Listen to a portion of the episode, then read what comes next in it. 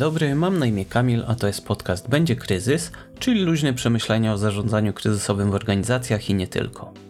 W dzisiejszym odcinku chciałbym podzielić się dziesięcioma sygnałami ostrzegawczymi, że w waszym projekcie może dziać się coś złego. I na początek moje ulubione założenia.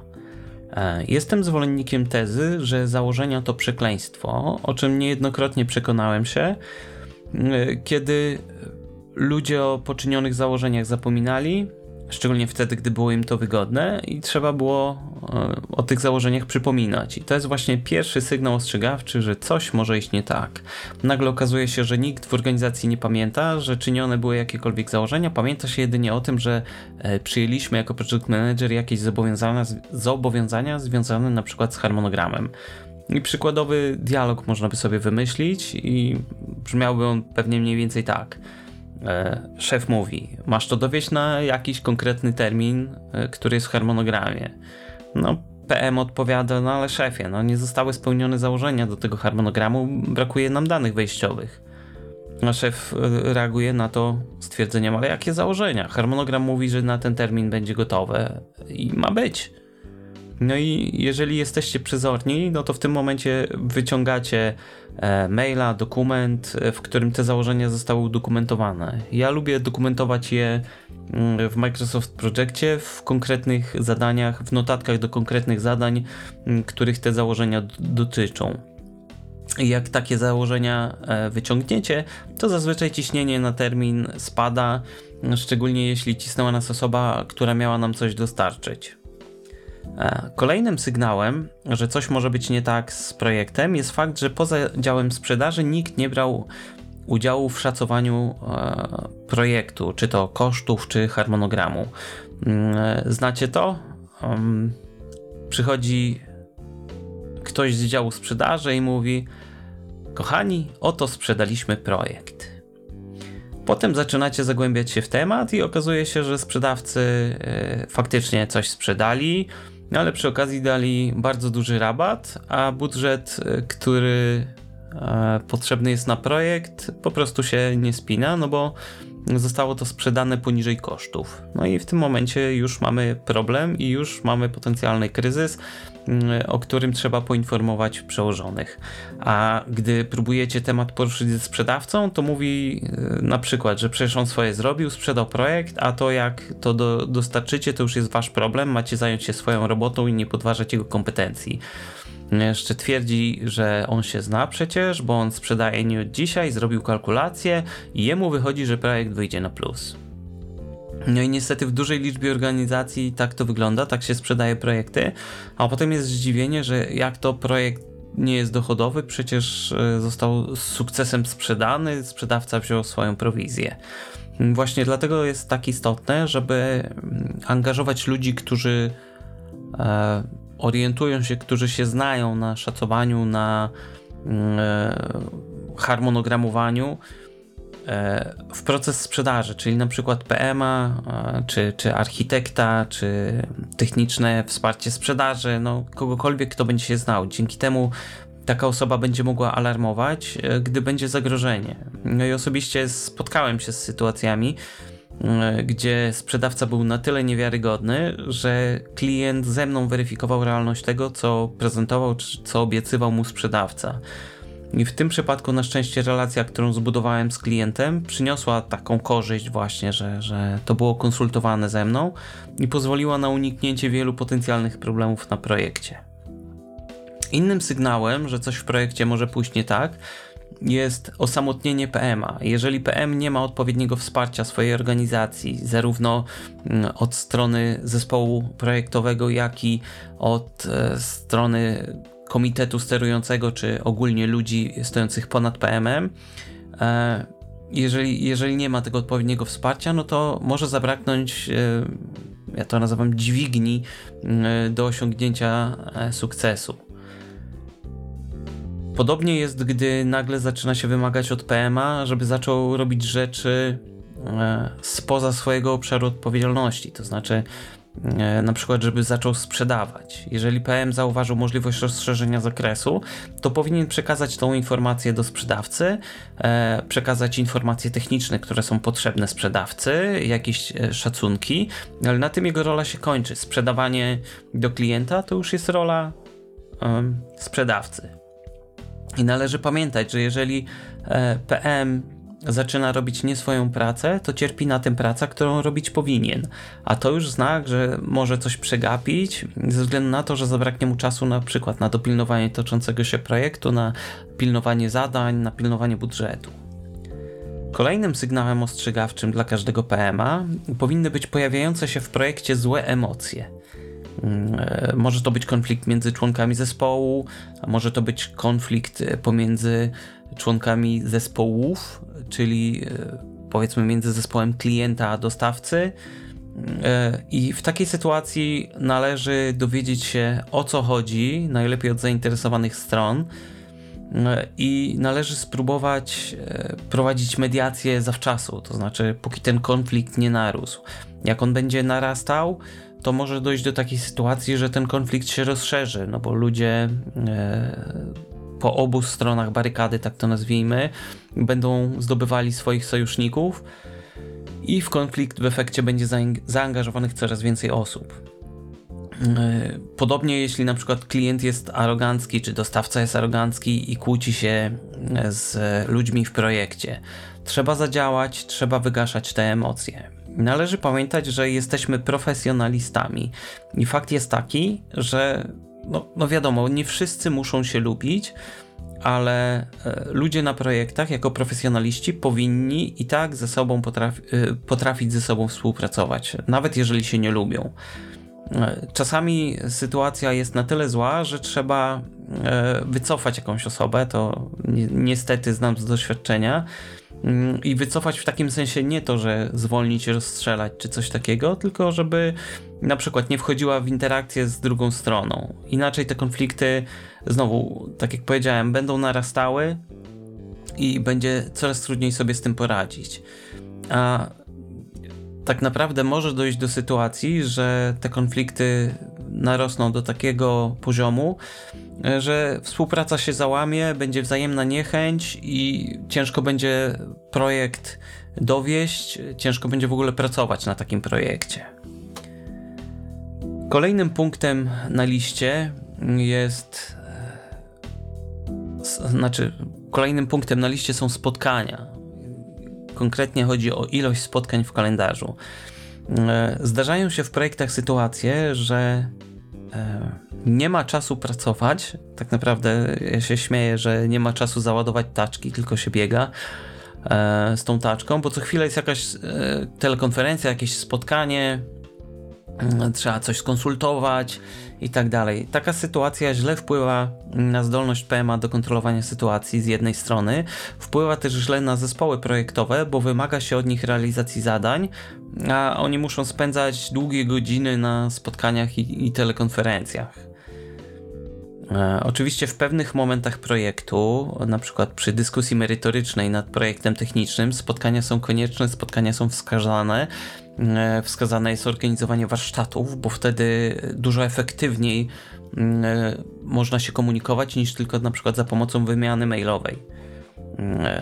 Ale jeżeli spotkania zaczynają dominować kalendarz, to coś jest nie tak, to jest sygnał ostrzegawczy i warto taką sytuację przeanalizować i na nią odpowiednio zareagować tak już w ramach ciekawostki, mm, byłem kiedyś na projekcie, gdzie normalną pracę PMA wykonywałem w nadgodzinach, bo miałem w kalendarzu, uwaga, 33 godziny spotkań tygodniowo.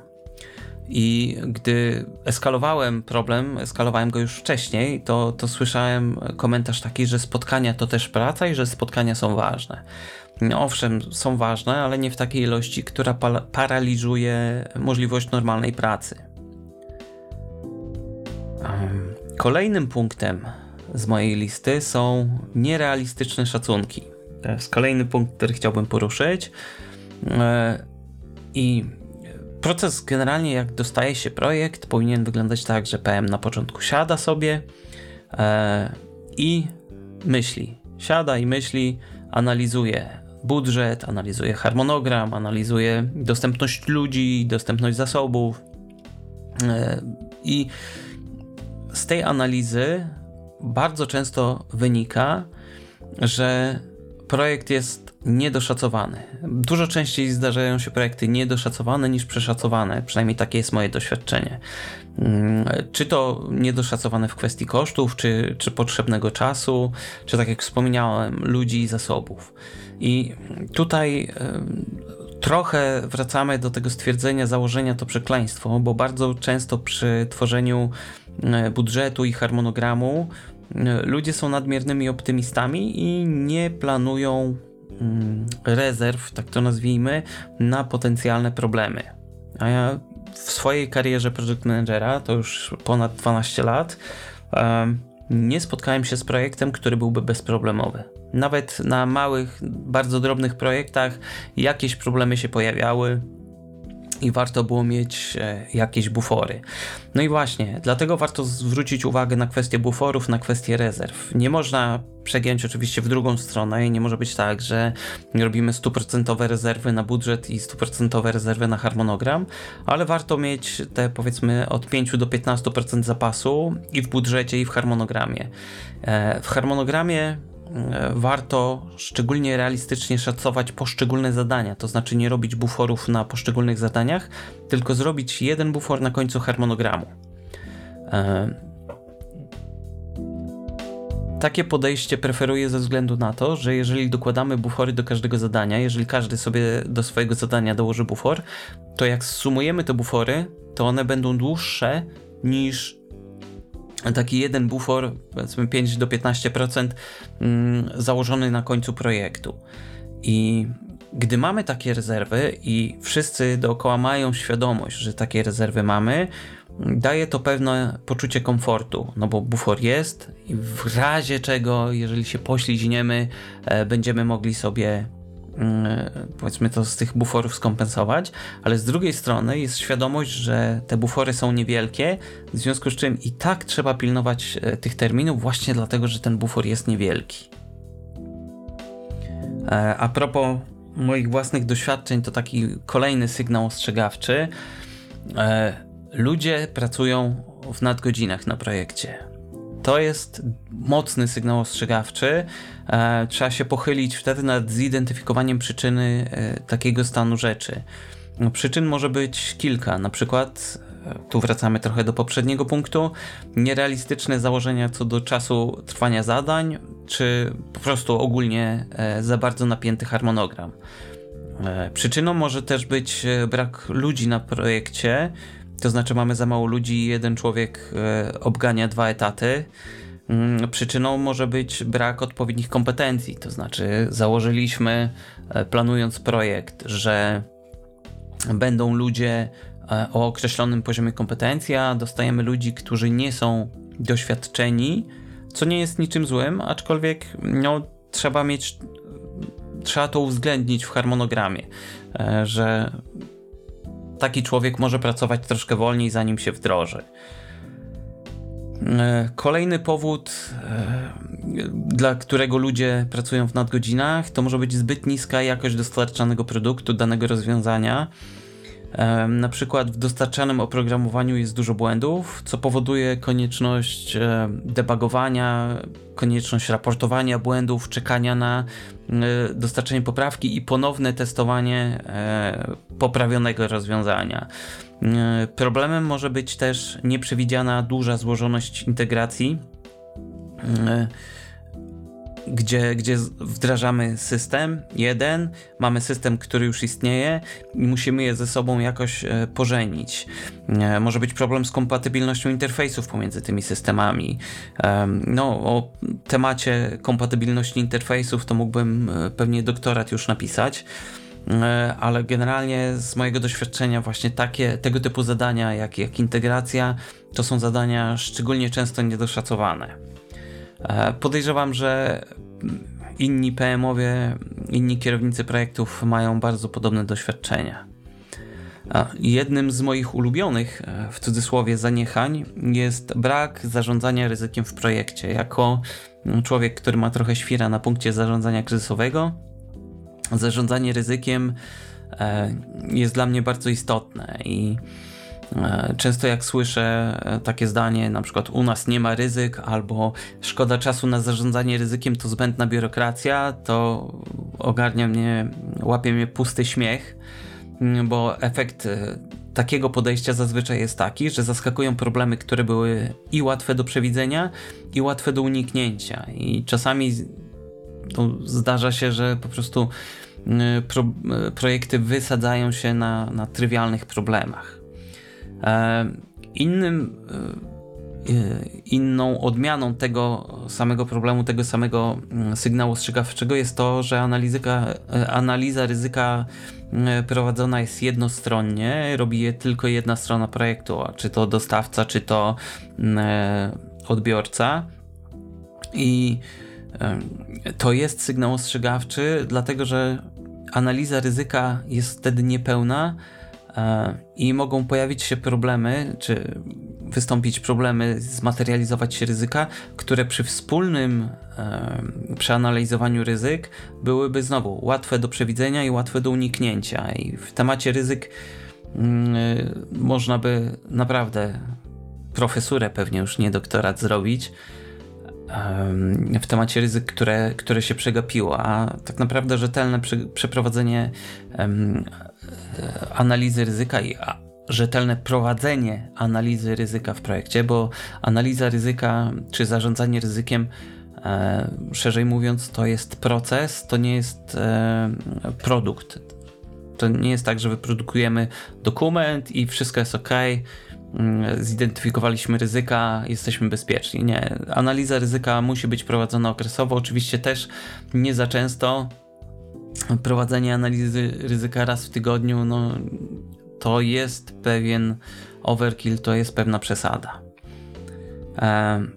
W temacie ryzyk jeszcze sygnałem ostrzegawczym jest też, gdy menedżerowie próbują pokazywać zbyt optymistyczny obraz projektu. Na przykład przygotowujemy prezentację statusową, mamy pokazać status projektu, no i na przykład pada komentarz, tu nie pokazujmy czerwonego statusu, pokażmy pomarańczowy, jakoś to nadgonimy, jakoś tam e, spowodujemy, że będzie mniej kosztów i, i stanie się to zielone. Albo jeszcze gorzej właśnie, pokażmy zielone, e, na razie nic nie raportujmy, będzie dobrze, jakoś nam się uda. No a potem nie jest dobrze, nie udało się, są pretensje, że nikt nie uprzedzał o potencjalnych problemach. Także zarządzanie ryzykiem bardzo ważna rzecz. E, przedostatnim obszarem, który mam na swojej liście i o którym chciałbym dzisiaj opowiedzieć, jest e, obszar dotyczący planu projektu. Bardzo często jest tak, że e, plan projektu sobie jest pięknie zbudowany, mamy wykres Ganta, mm, wszystkie zależności są wykazane i mamy plan, który e, sobie istnieje, a rzeczywistość sobie skrzeczy, bo na początku projektu właśnie ten plan został wyprodukowany, a potem nikt go nie używa. A gdyby e, śledzić ten plan projektu, gdyby go rzetelnie śledzić, to szybko mogłoby się okazać, że pojawił się jakiś problem, mamy jakieś małe opóźnienie i jesteśmy jeszcze w punkcie, w którym to opóźnienie możemy nadrobić. Podobnie jest z samą dokumentacją projektu.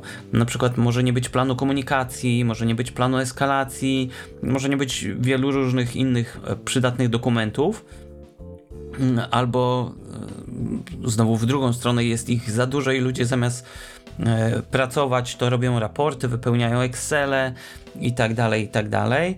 Generalnie trzeba znaleźć złoty środek i mieć dokumentację, e, korzystać z niej, korzystać z planu projektu, reagować na to, znaczy na bieżąco aktualizować plan i reagować na wszelkie odstępstwa. Generalnie moje doświadczenie mówi, jeśli chodzi właśnie o, o dokumentację, o, o, szczególnie o raportowanie, to moje doświadczenie mówi, że jeżeli ludzie muszą spędzać więcej niż godzinę tygodniowo na raportowaniu, to coś jest nie tak. To znaczy, że system raportowania jest zbyt duży albo zbyt skomplikowany.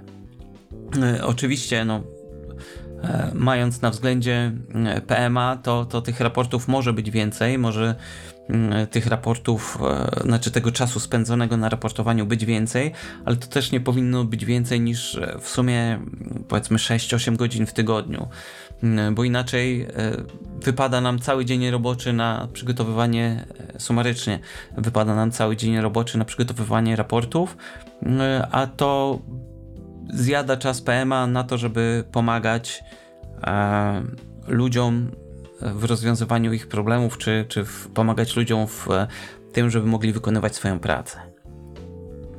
Ostatni punkt na dzisiaj e, to przypadek, w którym e, PM mówi do swoich ludzi, żeby nie zanudzali go szczegółami.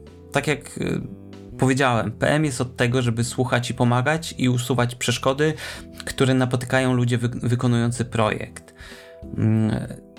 To nie jest tak, że w projekcie ludzie są dla PM-a, to PM jest dla ludzi. On właśnie ma pełnić funkcję takiego pomagacza, e, funkcję służebną wobec ludzi, którzy pracują na projekcie, bo e, PM jako osoba nie jest e, człowiekiem, który projekt robi. PM nadzoruje realizację projektu, pomaga w tej realizacji, ale realizują go ludzie właśnie z zespołu projektowego.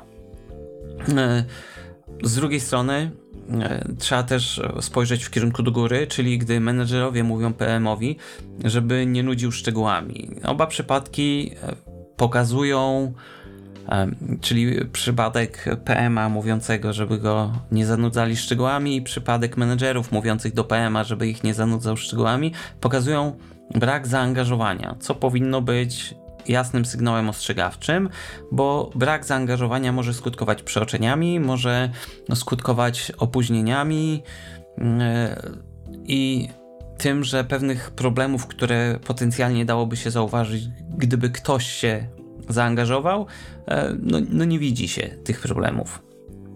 Yy, może to oznaczać też, że jest nadmiar informacji, jest na przykład natłok spotkań, o którym mówiłem wcześniej, e, co powoduje zniechęcenie ludzi do projektu, może spowodować wypalenie, czy to PMA, czy, czy menedżerów. Może też oznaczać, że ludzie e, zainteresowani są tylko taką ilością informacji, która pozwoli im później ochronić własne tyłki.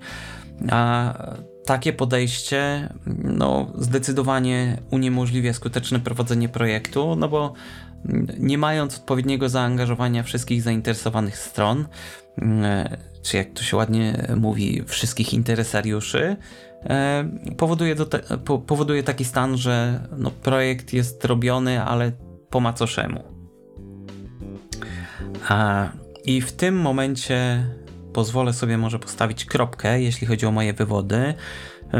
Bardzo chętnie posłuchałbym czy poczytałbym, e, jakie są Wasze doświadczenia. Jeżeli ktoś miałby ochotę się ze mną takimi mm, doświadczeniami e, podzielić, może warto byłoby zrobić odcinek podcastu mm, z takimi właśnie zebranymi doświadczeniami, które Wy macie to jeżeli ktoś ma ochotę się podzielić, zachęcam do podzielenia się, czy to na e, fanpage'u na Facebooku, czy to e, przez e, formularz kontaktowy na stronie będziekryzys.pl, czy mailem na adres kamilmałpa.będziekryzys.pl. Fajnie by było usłyszeć od Was. Dajcie znać, dajcie znać, jakie są Wasze doświadczenia jeśli chodzi o sygnały ostrzegawcze w projektach. I na koniec jeszcze małe ogłoszenie. E, zachęcam do pobrania darmowego dokumentu, który opublikowałem na stronie będziekryzys.pl. E, jak wejdziecie na stronę główną, to będzie widać możliwość pobrania. Dokument opisuje 11 lekcji skutecznego zarządzania kryzysowego dla kierowników projektów. To jest zbiór moich doświadczeń mm, z całej mojej 20-letniej kariery zawodowej już ponad 20-letniej kariery zawodowej, e, gdzie no, byłem i uczestnikiem projektów, i byłem kierownikiem projektów. Także uważam, że może być to mm, mała dawka bardzo przydatnej, znaczy mała, solidna dawka przydatnej wiedzy. Także zachęcam do pobrania i e, dziękuję za wysłuchanie tego odcinka, dziękuję za uwagę i do usłyszenia.